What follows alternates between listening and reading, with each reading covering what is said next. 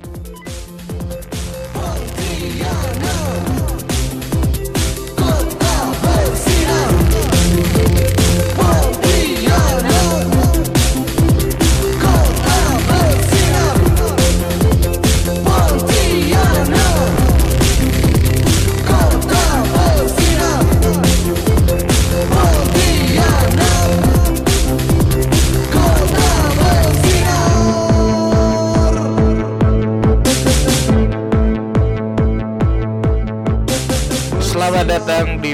podcast Bujang Beleter episode terbaru Kali ini kami datang dengan kabar gembira.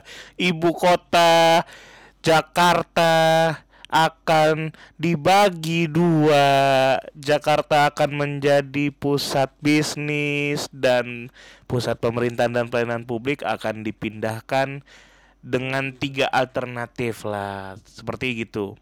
Tapi tiga alternatifnya ada alternatif pertama. Alternatif pertama adalah ibu kota tetap di Jakarta, tetapi dibuat government district atau distrik khusus pemerintahan. Eh, Daerah-daerah seputaran Istana Merdeka dan Istana Negara dan Monas itu dibuat khusus hanya kantor pemerintahan dan kementerian kelembagaan. Opsi pertama. Opsi kedua yaitu mencontoh Putrajaya di Malaysia. Jadi Putrajaya kan nggak begitu jauh dari Kuala Lumpur. Jadi memindahkan pusat pemerintahan sedikit lebih ja, sedikit keluar dari Jakarta kayak di daerah Jabodetabek waktu zaman Presiden Soeharto mungkin ada usulan ke Jonggol tempatnya Bapak siapa? Bapak mana? Bapak mana di Jonggol tuh. Tentunya dengan kesediaan lahan, tetapi kelemahannya kalau kata Menteri Bambang Bojonegoro itu membuat recommendation terlalu terpusat di Jawa lagi. Dan opsi ketiga, opsi yang kita tunggu-tunggu dan kita harapkan realisasinya adalah membawa ibu kota negara pelayanan publik dan pusat pemerintahan keluar dari Jawa. Fucking Jawa tuh, semuanya gara-gara orde baru, semua orde lama, semua yang dibangun hanya Jawa. Nah, baru pemerintahan Joko Widodo ini yang fokus mau membangun teras rumahnya lah ibaratnya. Perbatasan di luar Jawa, nggak Jawa sentris lagi. Nah, kemudahan, mudah-mudahan ini langkah baik dari akhir pemerintahan Jokowi di periode pertama. Kan kita nggak tahu kan periode kedua apa enggak kan? Masih belum pengumumannya belum. Ya, mungkin ini adalah kalau jadi kejadian bisa dilaksanakan secepatnya. Ini adalah prestasi yang paling oke sih bagi aku. Em, bisa pindahin ibu kota negara dengan jarak yang cukup jauh dengan investasi yang lumayan besar dan bisa bisa jadi ini juga perlu waktu yang panjang. Kita ambil contoh kayak Brazil. Brazil tuh bisa mindahin Rio de Janeiro ke Brasilia. Eh apalagi ya? Eh, Australia. Australia dari Canberra berantem berantem ribut ribut antara Sydney sama Melbourne akhirnya keterima. Jadi Syd- Sydney. Jadi dari Canberra pindah ke Sydney. Terus Astana di Kazakhstan lebih dekat arah tengah waktu itu Tah, dan Myanmar tuh mah Myanmar kayaknya ada Vietnam dari mana Ho Chi Minh ke Saigon kan nih atau bahasa bahasa Thailand kan Nah, tau lah, pokoknya itu kan. Nah, sekarang Samad mau memaparkan sesuatu. Sila, Pak. Em, tadi betul kata Pak Ik, kalau kita nak pindahkan ibu kota itu perlu waktu dan biaya yang cukup banyak. Yang pasti kalau waktu expected 10 tahun lah kayaknya ya. Paling minimal. Paling minimal karena 10 kan tahun. mesti ngebangun lagi, mesti macam-macam lagi. Ada sisi positifnya mungkin bakal buka banyak lapangan kerja lah ya di tempat yang baru nanti. Eh, terus kalau sisi negatif ya pasti banyak ada pro ada kontra kan pasti kontranya mungkin eh, banyak yang demo lingkungan dirusak macam-macam kan tapi ya kita lihat nanti gimana ya terus kalau aku baca di salah satu artikel Pemerintah Jokowi JK berencana memindahkan ibu kota Indonesia dari Jakarta ke kota lain di luar Pulau Jawa.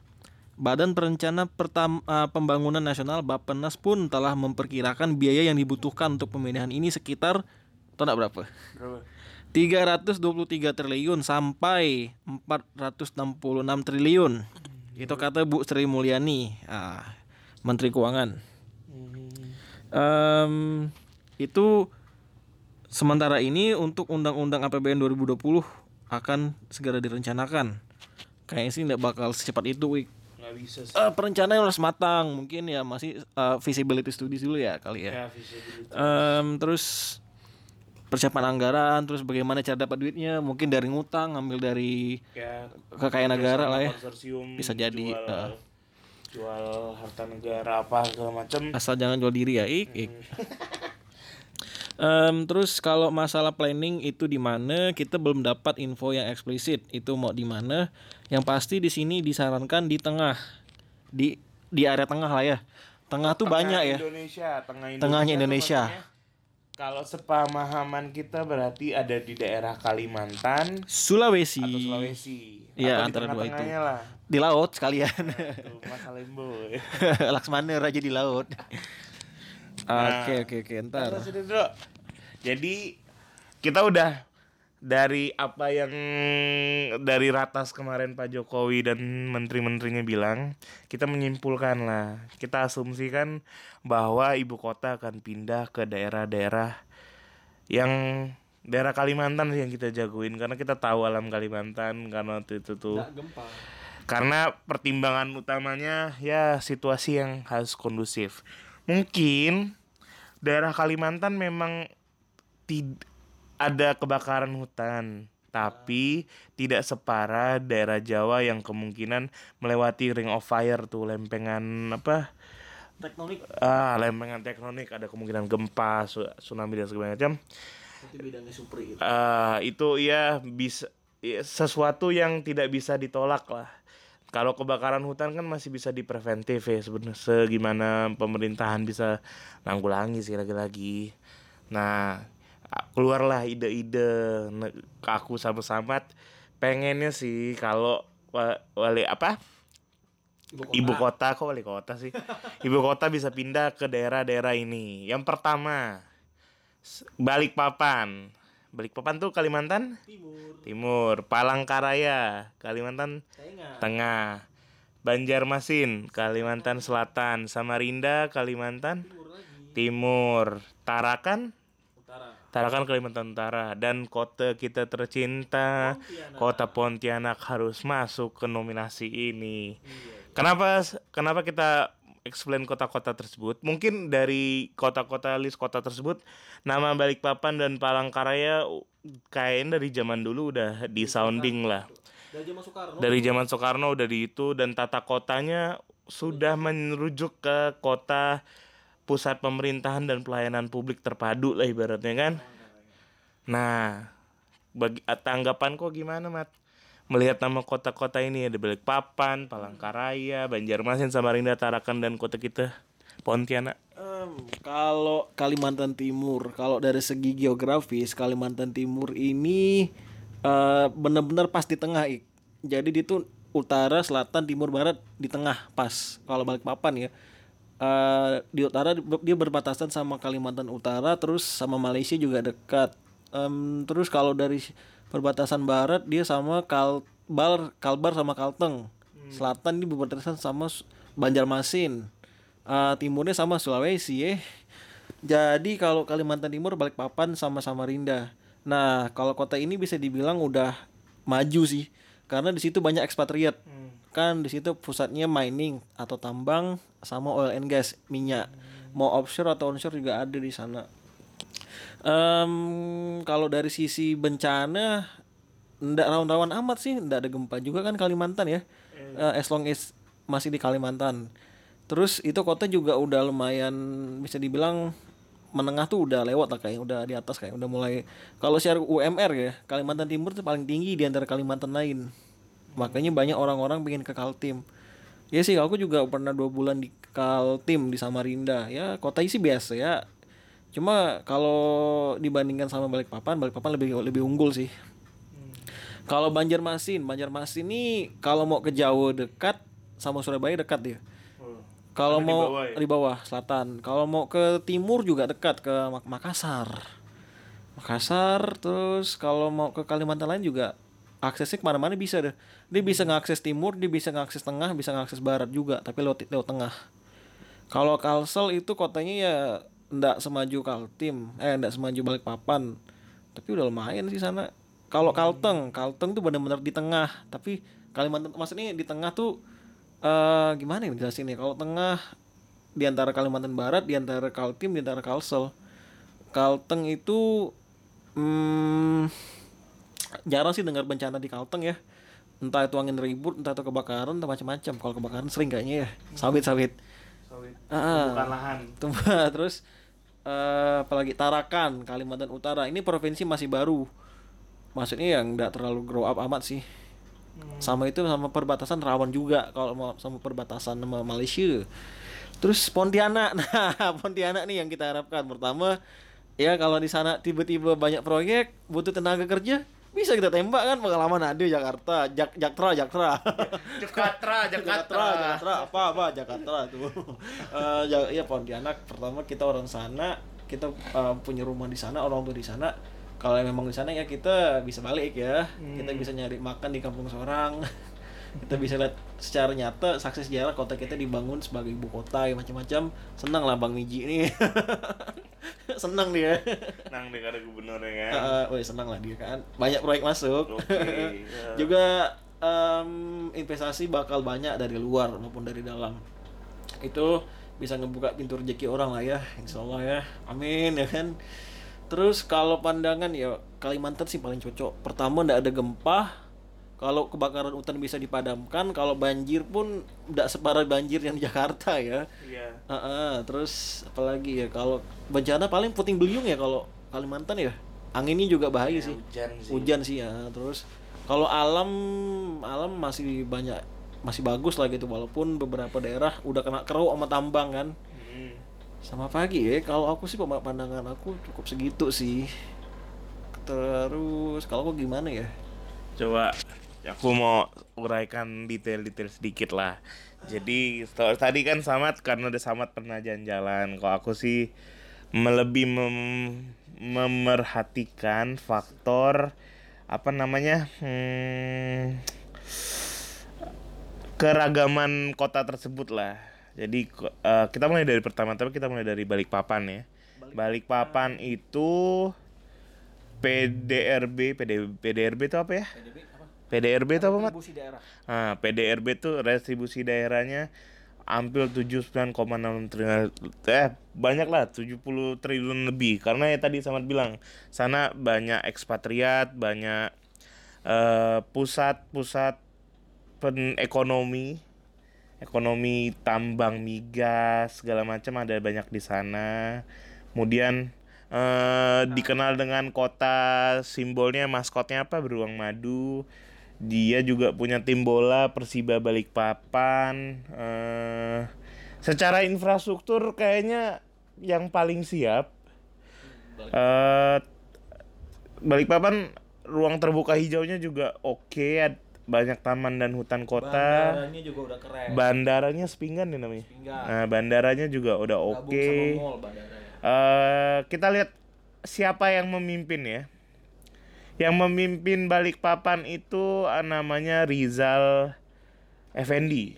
Rizal Effendi, wakil wali kotanya Rahmat Masud. Mas Ode. Mas Ud. Eh, Golkar kuat di sana, ada 13 kursi di parlemen daerah. Ada PDIP, ada Gerindra, Hanura Demokrat, PKS, Nasdem dan P3.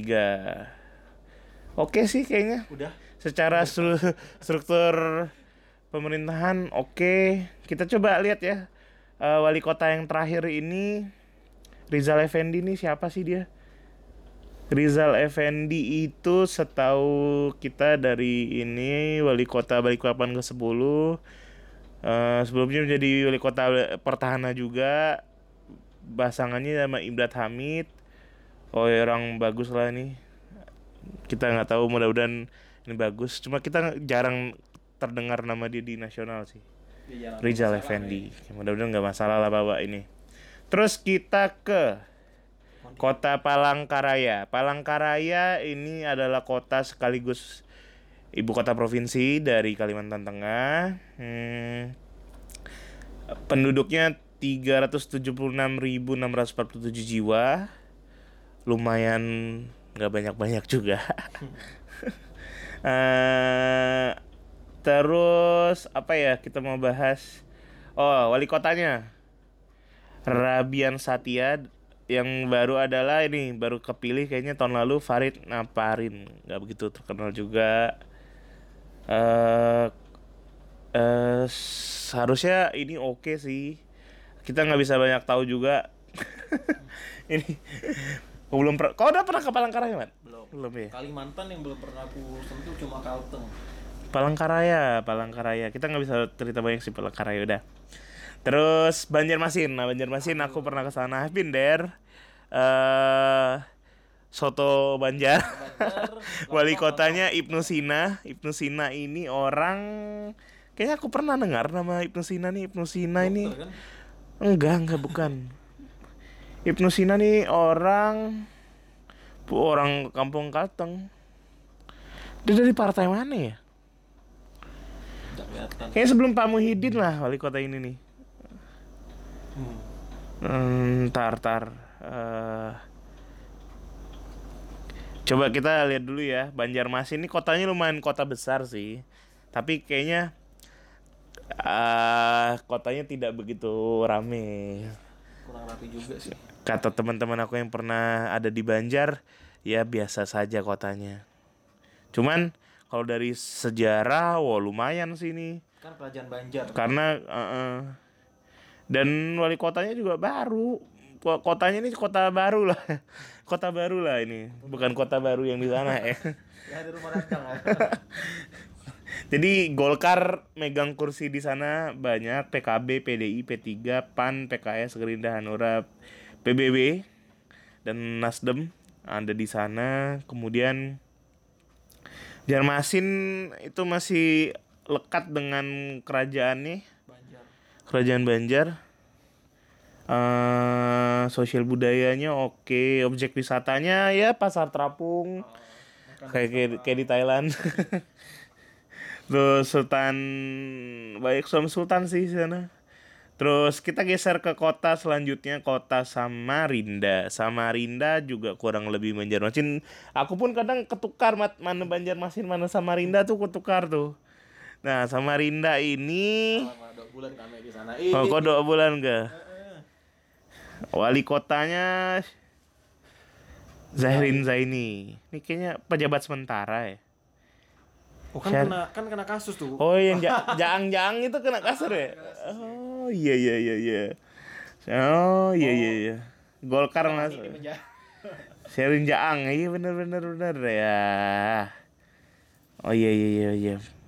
Persi oh Banjarmasin ya. Tadi ya mall ada namanya mall mall ECP itu mall Mau apa namanya? Samarinda Central Plaza. Oh, Samarinda Ada Center kan? Plaza. 98. Transportasi oke. eh, Hiburan. Kalau di sana olahraga kurang hiburan hiburan kurang ya ya. Gor Segiri masih ada nggak sih Gor Segiri?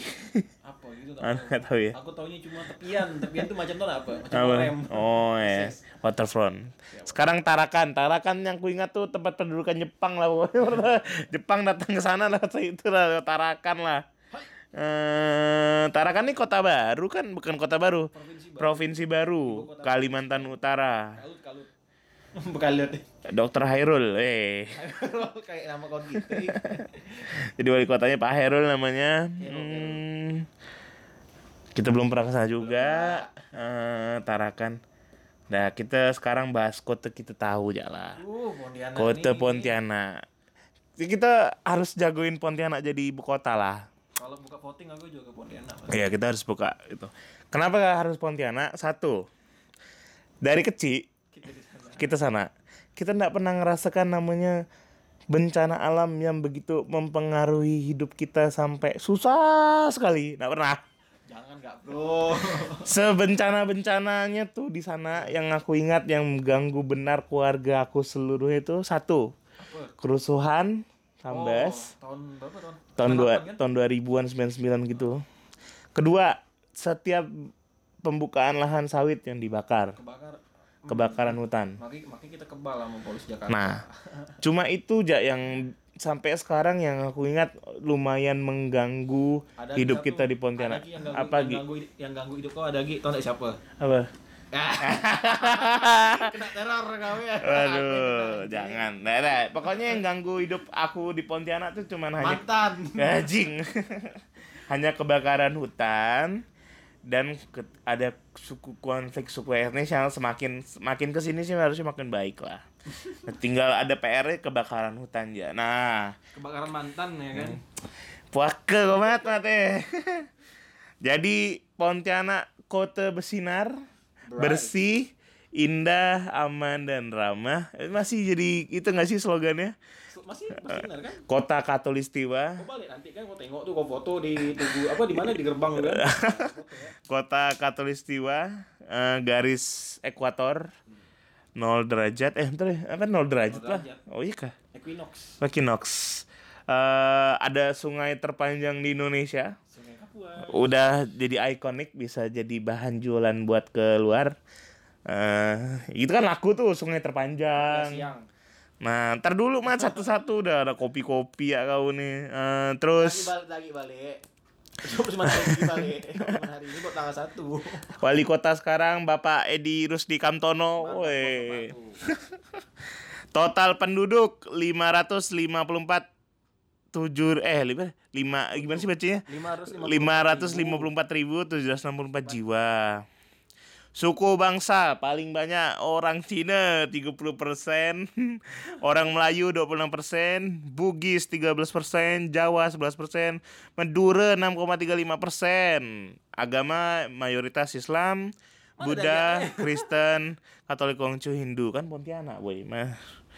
Daya, Daya mana banyak di Pontianak? Apa, Bang? apa bah Daya untuk kode waktu WIB yang membedakan kita dengan yang lain. Hah? Kalau yang lain kan WIT kan? Kaltung masuk WIB. Oh WIB. Kita Singapura, WIT. Tahu tuh degel mana lah. etimologi, etimologi nama yang kita bahas.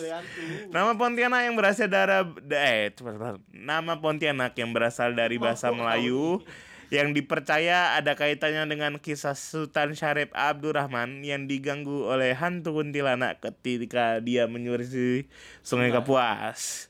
Nah, mudah-mudahan bentar lah. Sekarang jadi kampung beteng tuh tempatnya tuh. Terus apa Pontianak? Karena yang bikin Pancasila yang merumuskan Sultan su- Hamid II. Nah, Bapak Ustaz Haril. Nah, jadi udah ikonik udah banyak nih. Sungai terpanjang, perumus Pancasila. Cocok lah di kota pemerintahan. Terus apa lagi? Hmm, zona waktu aman ya. Kota bisnis sama kota pemerintahan harus satu zona waktu. Yoi. Jangan terlalu jauh, nak boleh. Benar sih kalau logika kau dapat. Iklim dan topografi. Panas ya sih yang mau aku Nah, isunya cuma panas ya. Panas, nak mati. Kawan aku udah ada kan dari mana dari Jogja, Eh. dari Banjar, Banjar Jawa ya bukan Banjar Kalsel. Hmm. Kan PKL sama-sama aku di kantor pajak Pontianak. Nangis dia bukan nangis sih. Nggak kuat dia dua hari sana panas banget, panas, saya tidak kuat aku banget gitu. Ya udah. Terus iklim dan topografi panas-panas. Kalau udah hujan nih hujannya lumayan lebat lah. Curah Angin, hujan angin. Curah hujannya tuh 3000 sampai 4000 mm mm. Apa sih milimeter kayak itu? Nggak tahu, tanya Supri. Pokoknya lah, lumayan lah. Nggak kurun salju ya Pontianak tuh yang pokoknya Kiamat, aman. kiamat, Nggak nggak pernah hujan batu, nggak pernah hujan batu. Paling pohon robo ya kan. pohon robo pun karena lupa ditebang, lupa dipangkas. Dinasnya Dinas lupa mangkas biasa. kena omen Bang Miji. Paling kena omel nanti. bodoh kau. Terus batas wilayah daerah utara Pontianak ada Siantan. Itu Kalimantan Barat bodoh. Pontianak. Batas utara Pontianak tuh berarti Siantan sama Mempawah. Ya Siantan sama Mempawah. Selatan Pontianak ada nama Sungai Raya, Kubu Raya. Apa Gi? Mempawah sampai nih Siantan Mempawah kan keliling lah tuh. Ada tiga lah. Barat, Sungai Kakap, ya, Pengereng Kubu Raya, nah. Timur Sungai Ambawang Kubur raya. sama Kubu Raya. Kubu Raya tuh keliling-keliling lah. Kan namanya kubu, bukan benteng arti. Eh, kubu, kubu, mengkubukan raya. Terus wali kota, aku hidup dari zaman wali kota siapa ya? Buari gitu. Pak Buhari. Pak Buhari, Buhari. Tapi itu RA Siregar itu tanggal Enggak, tuh enggak tahu aku. Aku enggak begitu ngerasa.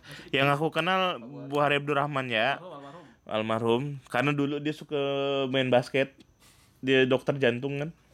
Terus dia dia beli tim basket tuh Citra Satria. Nah, semua orang diajak main basket. Dulu tiap itu ada wali kota cup. Nah, aku sering ikut tuh. Terus Pak Buhari periode keduanya sama Pak Sutarmiji wali kota wakil wali kotanya. Jadi setelah Pak Buhari selesai dua periode, Pak Sutarmiji naik. Pak Sutarmiji naik nih lumayan buat perubahan yang makin kerasa lah dan terutama perubahan yang tidak begitu media darling lah baginya sih. Karena apa? Karena yang dirubah tuh sebenarnya yang memang udah kalot-kalot dari zaman dulu ya pelayanan segala macam. Mungkin Starmiji nih seandainya dia di Jawa ya Ridwan Kamil tuh tak ada apa-apa Ahok tuh tak ada apa-apa. Kalau aku ngelihat kenapa Starmiji ini kurang gitu? Kayak cuma karena dia di Pontianak ada dan dia kurang media darling ja. Makanya aku pernah lihat dia konversi gitu apa segala macam kayak seminar. Dia kesempatan sama Basu, Pak Basuki Cahayapurnama terus ada Pak Anies Baswedan. Ih, bapak ini kerjanya ngeluh ya. Bapak ini kerjanya ngeluh karena apa? Karena Pontianak tuh kayak nggak diperhatikan. Bapak ini kerja siang malam nih. Ngeluh ini Anggaran tuh. turun. anggarannya sedikit tapi selalu enggak tapi dia selalu berhasil memenuhi semuanya. Peringkat pelayanan publik Pontianak kan nomor satu dibanding Jawa Barat. Yang selalu diklaim Ridwan Kamil nomor satu tuh. Aku tidak setuju. Karena sejak Arios akan. karena sejak Pak Sarmiji jadi gubernur di periode pertama tuh itu semua pelayanan publik tuh bagus lah rumah sakit emang sih PNS banyak nyumpahkan dia Karena dia ini, karena dia benar-benar strict sama aturan. Nah, bapak ini lumayan saklek. Emang banyak yang nyumpahkan dia sih memang. Sama Ahok lah. Nah, ya sama lah sama Ahok. Sebelum Ahok ada dia sih memang. Nah, bapak ini lumayan nih karir politiknya dari P3. Dia juga sering dia nih tipikal pemimpin yang apa adanya ndak ndak banyak topengnya lah ndak banyak settingannya. Kok kok mau mau ndak ndak. Dan dia programnya tuh bener-bener program yang ngajak masyarakatnya untuk mau berkembang. Mau berkembang tuh dalam kartu apa mau diajak mikir ndak dikasih duit ya. Edukasinya betul gitu. Misalnya kau nak ngelebarkan jalan. Kau tak mau ngasih lahan kau bapak ini tuh tak ada pernah mau ganti rugi mahal-mahal lah setahu aku. Agak wajar. harga wajar. Dia mau bayar segitu tak ada mau tahu tak aku kerjakan jalan kau. Diancam. intinya gitu ya nah orang tuh diajak pikir kau mau jalan kau bagus tetangga kau nyaman atau gara-gara kau tetangga kau jadi merana ke kau? Gitu ya nah yang Pak Minji tuh selalu kayak gitu tuh kau mau mau ndak ndak aku mau kerjakan ikut aturan aku. Kayak gitulah pokoknya nah periode kedua dia bersama Pak Edi Rusdi Kamtono yang sekarang jadi wali kota nah Pak Edi ini emang orang pintar orang pintar PU lah ibaratnya kan ya.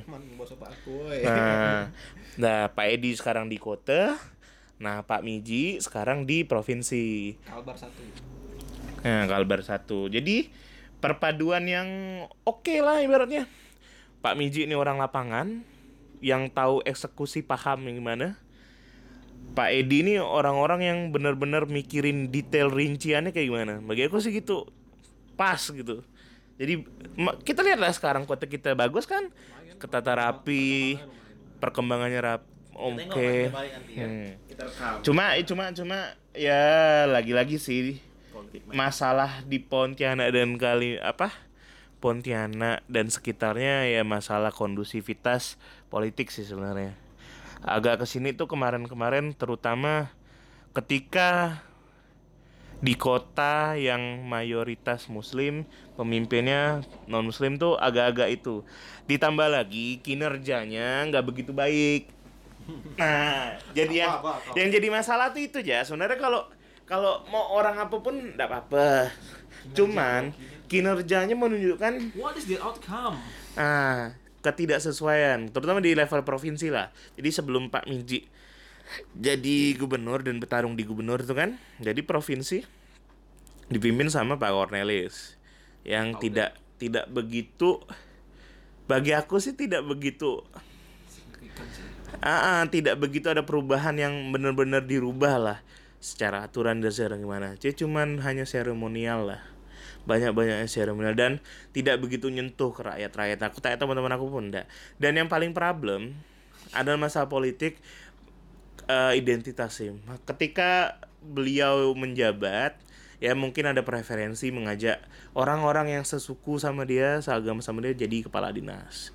Walaupun banyak tak, tak nyambung, tak nyambung. Soal kita kawan kita banyak lah yang dikalah. Kawan kita banyak dikalahkan dengan orang-orangnya gitu. Mentang-mentang dia satu suku segala macam. Jadi prosesnya agak lebih gampang ketimbang. Ini contoh kawan kita nih. Dia dia lulusan teknik lingkungan. Dia mau ngelamar di mana tuh tem- tempatnya? Pokoknya. PU PU PU. Nah, sesuai bidangan ini lah. Ada kursi satu dong. Nah, ini pun honorer gak? Dia mau coba ya peruntukannya. Nggak masuk. Nggak masuk gara-gara apa? Lihat ternyata dia sebangsanya lah, sebangsanya. Terus dia lihat kalau sebangsanya dia teman kampusnya di sini nggak apa-apa. Ternyata dia anak penjaskes. Apa apa tak nyambung. Anak penjaskes kau suruh-suruh ngitung jalan. Yang ada jalan jadi tempat olahraga. ah, oke oke. Itu sih kalau Pontianak kemarin sempat hot masalah culture sih. Eh, terus kalau Pontianak satu lagi Ekonomi ya. ekonomi ya, ekonomi kita UMR nggak terlalu tinggi-tinggi amat sih. Cuman Cuma kita bisa saving ya kalau orang di sana, maksudnya nggak Nah, perlu bayar kos kita kalau di sana. Makanan aku rasa di sana beragam, enak-enak, bisa menarik wisatawan dari asing maupun lokal. ikonik kita kupon bagi aku bagiku Pontianak tuh lumayan ikonik lah jadi kita kumpulin ya kenapa Pontianak harus jadi ibu kota? Satu sungai yang terpanjang di Indonesia. Memudahkan transportasi laut. ikonik satu dah. Kedua garis ekuator. Ek- ikonik dua. Tiga ekonomi dan pertumbuhan yang baik. Kayaknya bagus ekonomi pertumbuhan di sana. Banyak orang kaya kayaknya di Pontianak tuh. Punya bayangan nih kalau misalnya memang Pontianak jadi ibu kota, yang minum Singapura nanti pasti sih. Nah, kotanya kecil, nggak begitu gampang musuhnya. Terus ekonomi, ekonomi tadi eh, industri pertanian perdagangan oke tuh semuanya tuh. Cuma kita kalahnya ada migas aja. sih. Cuma kita memang nggak ada sumber daya alam. Lagian kan sumber daya alam usang lah dimakan waktu habis. Makanan nggak habis men. Sama di manusia. Selama ada yang maju tak ada habis. Terus industri banyak tumbuhan yang menarik di Pontianak. Ada aloe vera yang bisa dijadiin apa pun. jadi kerupuk bisa, jadi ba jadi bahan penambah bakso bisa, Hmm. permen bisa. Lidah buaya. eh, Lidah terus nilai tambah brutonya lumayan tuh di Pontianak. Bisa barang tuh apa substitusi barangnya banyak tuh drop down barangnya banyak tuh kayak tadi lidah buaya tuh banyak tuh terus eh pertanian oke perdagangan yang kurang di sana. Mall mall bagi bagi kok kurang gak sih? Cuma- tempat hiburan tempat hiburan. Nah concernnya gini deh. Nah kenapa kita bisa tinggal di Jakarta? Karena Pontianak kurang hiburan. Dan kurang lapangan pekerjaan yang sesuai dengan kompetensi kita. Yoi. gitu ya sebenarnya. Nah, dengan mudah-mudahan pemindahan ibu kota ini ada kompetensi yang membutuhkan kompetensi kita di Oh, sana, siap. kita bersiap pulang lah. Tapi dengan catatan. Tapi dengan catatan Ini apa? catatannya. Jangan cuma orang dekat yang kau ambil. Kita seleksinya fair ya. Kita uji siapa yang pantas gitu ya sih. Jangan mentang-mentang kau anak dia, kau anak situ, kau bisa nitip-nitip. Padahal kau tak Malah kau tak nyambung sama jurusannya itu. Itu masalah di Pontianak tuh. Jangan kau mentang-mentang kau keluarga ini. Di Pontianak semua sih keluarga. Cuma kan keluarga ya cari keluarga yang bagus kan. Jangan keluarga gila main gila kau cari. bisa kerja, bisa kerja. yang bisa kerja. Yang nggak cuma makan gaji buta. Ah, terus ya masalah eh, hiburan, hiburan. Hiburan di Pontianak Apa ya? yang kau ingat kan bagi kita kan kalau ibu kota berarti ada hiburan dong. Kayak di waktu Canberra ke Sydney, Sydney itu lumayan lah banyak hiburan kan. Eh, Kau jadi TKI gak boleh? New York, DC, DC sih aku udah udah tahu sih DC kayak gimana, tapi New York yang banyak hiburan. Jadi kalau seandainya Jakarta jadi pusat bisnis, seenggaknya mulai di develop tuh per, pertumbuhan buat karena kan ya orang-orang di pemerintahan kan harus hiburan juga. entertain. Nggak bisa kalau liburan cuma di mall ya nggak. Bisa. Nah, Kano kan? nah Pontianak mulai cicil tuh sekarang. Kalau mau di ma- ibaratnya mau mulai genit-genitan lah dengan Palangkaraya yang itu. Mulai bikin cantik lah waterfront. Eh depan korem. Banci nah depan korem jangan kok gembok ya jangan zaman kayak jangan jangan pokoknya jangan zaman kayak Pak Ahok yang di Jakarta lah Monas digembok. Nah kan nggak ada itu ada yang datang. Jadi mau kayak sekarang Monas dibuka jadi ya tetap ikonik orang banyak foto di sana eh, tetap dijagain. Terus what yang bisa bikin Pontianak bagus lagi tuh waterfallnya dibagusin. Sama transportasi umum sih yang harus dipikirin. Busway lah minimal ada dulu. minimal ada skema sistem bus yang terintegrasi dari ujung dari barat ke timur, selatan ke utara. Karena sebagai aku nih, Pontianak tuh benar-benar terbelah gara-gara apa? Sungai. Sungai Kapuas. Nah, aku tuh belum lihat sistem terintegrasi antara seberang orang-orang seberang orang seberang sama orang bagian kita nih bagian bagian ti bagian apa tuh nah istilahnya ya? bagian Pontianak kota barat sama selatan tenggara jadi Pontianak utara dan timur tuh terpisah gitu maka ada istilah tuh orang seberang Beda peradaban. nah kan kan kita dari zaman kecil emang seberang gue nih kan karena orang seberang memang kayak beda peradaban gitu dia harus ngelewatin sungai gitu kan jadi kan ada dua sungai percabangan tuh Landa. Landa sama Kapuas, Kapuas kecil kan. Nah, yang itu kan dilewatin ya, tuh Pontianak Timur sama Pontianak Utara gitu kan. Nah, selama ini yang jadi isu itu kan ada kesenjangan lah antara orang seberang sama orang itu baik dalam segi intensitas intensitas coverage eh, apa namanya itu Apa? pertumbuhan ekonomi Oh iya iya. Nah, kan nggak simbang tuh. Kok sekarang gini lah, ju- kita jujuran lah. Mana yang banyak rumah makan yang datangin pajak di seberang sana, apa seberang sini? Sebelah sini ah. Seberang sini kan, kota selatan itu kan. Hotel banyak gitu. Nah, hotel juga paling mayoritas di mana? Ya dikit lah. Nah, daerah-daerah kita kan. Banyak. Nah, banyak di sana jelas. di sana itu Bronxnya lah ibaratnya. Masih ada peredaran narkoba, masih banyak hotel. masih banyak yang tidak jelas. jelas. Pemukiman yang lumayan padat. Jadi kita bisa masih Pontianak masih banyak masalah lah ibaratnya. Yang kita, kita aja yang udah ndak lama itu kan masih ngerasakan kan. Kalau kita balik pun kadang-kadang kenapa ki- kita kena ndak gini. Kenapa kita selalu main di daerah kita aja? Nah, itu aja pertanyaannya. Kenapa kita ndak mau menyeberang ke seberang gitu kan? Apa jadi masalahnya? Nah, selama itu yang belum dibetulkan, kita sih ragu Pontianak bisa jadi kot, ibu kota buat pemerintahan dan pelayanan publik karena ya masih ada kesenjangan di kotanya sendiri Gitu. dari ekonomi dan ya. hiburan penghambatnya Internal itu faktor internal sih. karena pendidikannya terasa mat orang-orang yang Kau parah kau nih. gini lah Dari gayu ya ya. gini lah nah, ya ya lampu merah nih La- lampu merah di Podomoro Sama lampu merah di. lampu merah depan ke- keraton Keraton. Kadaria. Nah, kau perhatikan Gerbang- benar. gerbang keraton. Nah, gerbang keraton. Kau di Podomoro, eh, Podomoro Pancasila. Ya masih ada yang berhenti lah. Kau orang orang keraton Kadaria sana keluar Merah jalan. merah jalan kuning Hijau jalan hijau jalan tak tahu lah dia pokok dia yang penting aku sampai ya enggak polisi dulu baru bisa. Nah, itu masalahnya. Tak bisa tuh. Lampu tuh kayaknya semuanya warna sama gitu. warna? Cuma hiasan ya. Nah, kayak harusnya sekarang mulai pelan-pelan berubah ya. Hilang online ya.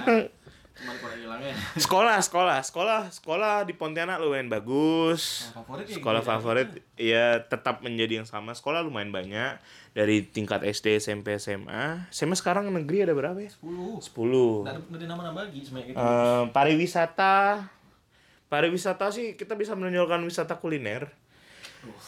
Itu yang yang sudah digarap sama pemerintahan kota sekarang. Orang Medan ya kangen sama cewek kue. Ya. sudah menjadikan Pontianak tuh terutama ini apa udah mulai spesifik sekarang. Mappingnya udah mulai jelas. Gajah Mada tempat kopi Street sekarang. Coffee Street ada beberapa jalan yang oh kayak Sungai Jawi itu oke itu buat makanan-makanan bakso gitu-gitu enak tuh banyak Ayo tebu di mana banyak kawasan? ah tebus ya ah, ayah kah rumah kau lah tuh kawasannya tebus Serdam. Paris Serdam ayo tebu. Eh, transportasi udara bandara kita lumayan bandara kita udah bisa melayani International flight. international flight udah bisa ke mana-mana hanya perlu ditambah aja kayaknya harus tambah bro, satu terminal lagi yang di sebelah sana tuh Pul tiga, pul tiga. Nah, jadi kan itu terminal satu tuh nanti di expand lah ke sana ke terminal tiga jadi lewat jalan botanak itu mana kayak terserah lah pasti banyak udah banyak foto situ kan. Jadi nanti diperluas saja, mudah-mudahan Airbus yang besar-besar bisa mendarat. Karena kan ya bandara tuh penting. Terus transportasi utamanya kayak tadi eh, port kita pelabuhan pelabuhan. Pelabuhan makin bagus. Jauh karena kan aku keluarga pelabuhannya. Maksudnya bapak ibu aku eh bapak aku sama keluarganya dia punya bisnis itu. Makin ke sini makin oke pelabuhannya. Depo eh, kontainernya makin tertata rapi. Udah mulai macam Liverpool lah. Kota pelabuhan ya enggak sudah tahu lah tuh. Terus harusnya kita bisa maksimalkan transportasi air karena sayang men kalau ya ibaratnya ya Nah, nah ke Itali lah, ibaratnya gini lah. Aku orang juju, aku orang jeruju nih. Aku nak ke mana? Nah, aku nak orang jeruju kan, Siantan. naik, aku nak ke Siantan. Bisa. Nyebrang bisa kan aturannya? Kena tabrak tongkang mati kan. Nah, cuma ada tongkangnya tuh. Nah, sekarang gimana ya cara menghidupkan sungai itu biar kayak macam di Bangkok, di mana segala macam. Nah, intinya gitu. Gimana caranya? Kan kayak zaman dulu lah. Maksudnya peradaban tuh dari sungai gitu. Puak ke lewat mati kau. Puake lewat sih terserah lah. Dulu kan banyak tuh orang mati gara kena sendok puake tuh aja sian lagi mandi kena sendok aja. Ah. Emang kau kena sendok. ya harus dimaksimalkan sih transportasi air. Soalnya nyebrang kita nggak bisa mengharapkan no akses jalan tol kita nih agak persepsi dengan tol. Kalau kita lihat tol di Jakarta kan, wow bagus bagus ya bayar segala macam. Nah tol di Pontianak gratis nih, dan hanya satu kayak jembatan lah. Dibilang sih jembatan sih. Tol. Nah kalau bisa, kalau bisa, cuma karena counter Pontianak tuh kan gambut, konstruksinya begitu kuat. Nah kita harus cari cara gimana bikin. Kalau kita kemikiran Pontianak lumayan padat nih sekarang, udah mulai kelihatan bibit-bibit macetnya kalau jalan itu nggak dikelola dengan baik dan benar. Jangan sampai kayak Jakarta ketahuan udah banyak baru dibangun makin lah orang emosional. Nah kalau bisa tuh jalan-jalan yang protokol tuh mulai dipikirin ke mana ke mananya. Kok ada flyover alhamdulillah gitu kan. Jadi em, kayak di Gajah Mada ada flyover itu ke arah antara ke arah Tasari sana atau ke arah Tanjung Pura mulai mulai dipikirin lah yang shortcut shortcut jalan yang harus cepet tuh nah Underpass. underpass sih ya kita lihat lah harusnya bisa terus pusat pemerintahannya kira-kira cocoknya di mana ya Jangan diayani. ah ini udah penuh sih eh daerah-daerah belakang tuh daerah-daerah dekat rumahku tuh Oh. yang perdana sana gitu dekat apa namanya teluk apa teluk hitam segala macam tuh nah Ujungnya Paris ya. nah situ tuh nah itu daerah itu kok dibuka masih oke tuh karena untan kan? nah, belakang untan sana tuh masih oke masih bersih masih masih perawan lah daerah situ tuh masih bagus segala macam nah daerah situ oke tuh terus daerah arah-arah mau sungai rengas TPI sana tuh nah arah kubus Banjir itu bro, TPI. cuma banjir kah Banjir. Nah, saya situ terus daerah sungai raya dalam sana itu nah, lumayan tuh bagus tuh Serdam. hmm Ada KFC bro Serdam. ya KFC doang pagi Em, kampus Pras kampus oke banyak. Kampus oke, ada. banyak, banyak, banyak. Untan ada. Pol Iya. Polnep Polnep ada, Pol- Estate apa? SP apa eh Stimik Steamik, BSI ada. Ada BSI banyak cabang. Ada banyak. Rumah sakit juga banyak. Banyak mitra Hotel medika. juga banyak. Jadi mana tuh hotel semua isinya. Jadi kalau ada urusan pemerintahan kan suka datang hotel-hotel ya. Hotel banyak lah. Tempat makan banyak. cocok banget. Polisian oke juga. Eh, Ceweknya juga cantik. Ayo Allah. Ya sama di Pontianak yang perlu dinotis sama semua orang di Indonesia, kita punya pemadam kebakaran yang jumlahnya banyak sekali daripada jumlah pemadam kebakaran negeri. Jadi Oh, pemadam kebakaran Yayasan swasta kan, kita. Yayasan itu muda kan. dijalankan oleh yayasan-yayasan teman-teman kita orang eh, Tionghoa. Tuh, tuh jago Pendekar. Pendekar semua kalah tuh yang negeri-negeri tuh yang punya pemerintah. Dia tai chi tai chi semua jago-jago. Bisa mengendalikan api dia. iya pemadam kebakaran tuh banyak tuh. Ada namanya bintang timur Budi Pekerti yang di Gajah Mada tuh. Apalagi ya BPAS Pancabakti Bakti Raya Sungai Raya Mitra Jawi Merdeka Mitra Bakti. Katulistiwa itu kan banyak tuh. Yayasan pemadam kebakaran itu kan jago-jago tuh mereka nah itu jadi salah satu tanggap cepat itulah pagi yang bisa dibanggakan dari kota kita semoga kota kita jadi ibu kota negara tercinta Indonesia Pagi ya. Nah, ada sih udah cukup lah. Ya cukup lah ya, mudah-mudahan wacana ini segera dilaksanakan di masa-masa terakhir kepemerintahan Presiden Joko Widodo. Semoga lancar, prosesnya memang lama. Semoga daerah kita dibangun lagi. Punya harapan aku bisa punya transportasi publik yang oke ke Jakarta. MR. Ada MRT, ada LRT, ada komuter line, ada macam-macam. Eh, Kawang berapa jam? Eh, sekarang bagi kita kita harus investasi pelan-pelan di Pontianak beli tanah. Pasti tuh bro. Ah, Jadi tiba-tiba kalau itu kejadian, oh kita Jual. jual bisa itu. lumayan kan? Lumayan, lumayan, lumayan. Apa gimana? Udah terakhir, terakhir kata-kata terakhir sebelum tutup. Em, yang pasti pola apa ya? Kalau suatu daerah maju itu juga tergantung dari pola pikir masyarakatnya. Kalau selama masyarakatnya masih ndak berpikiran open minded, ya dalam artian bagus lah gitu. Maksudnya ndak apa ya masih terlalu kalau kata bahasa sini terlalu katro lah itu agak-agak susah sih. Maksudnya enggak semua tapi ada beberapa lah gitu kan yang misalnya anti pembangunan ya maksudnya oh ini kan nanti bisa banjir, ini nanti bisa ini, ini nanti ini daerah daerah bapakku, nanti ini daerah daerah, daerah dato aku gitu kan. Kalau masih kayak gitu pikirannya nggak bakal maju sih. Itu sih. Cuma beberapa sorry maaf nih beberapa kalau aku lihat di Instagram tuh ada kasus vandalisme kan ada tuh di tepian sungai Kapos di waterfront kita baru jadi udah dicoret-coret apa-apa lah kata-kata tuh itu anak-anak anak-anak tanggung sih kayaknya yang kayak gitu parah sih kayak misalnya masih banyak kayak gitu ya nggak bakal maju sih ya semoga lah itu bisa berubah pelan-pelan ya Oke, Ik, kalau dari aku ini mungkin di masa depan aku bisa jadi DPR kayak di Pontianak. DPR atau jadi apa lah gitu kan. Kita coblos Pak Ik. Ntar apa Gi?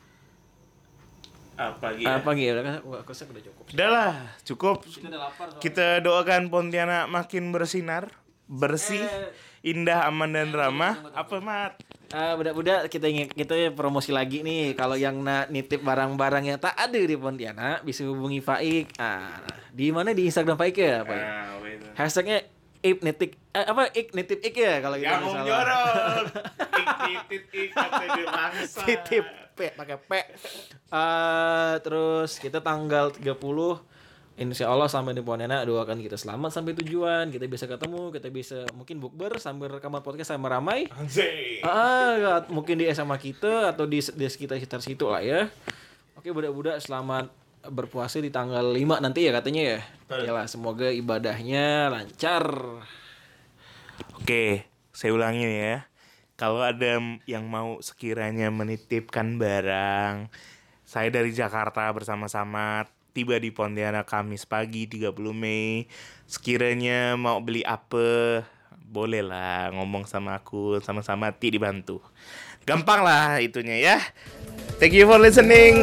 Podcast Bujang Beleter pamit. Dari super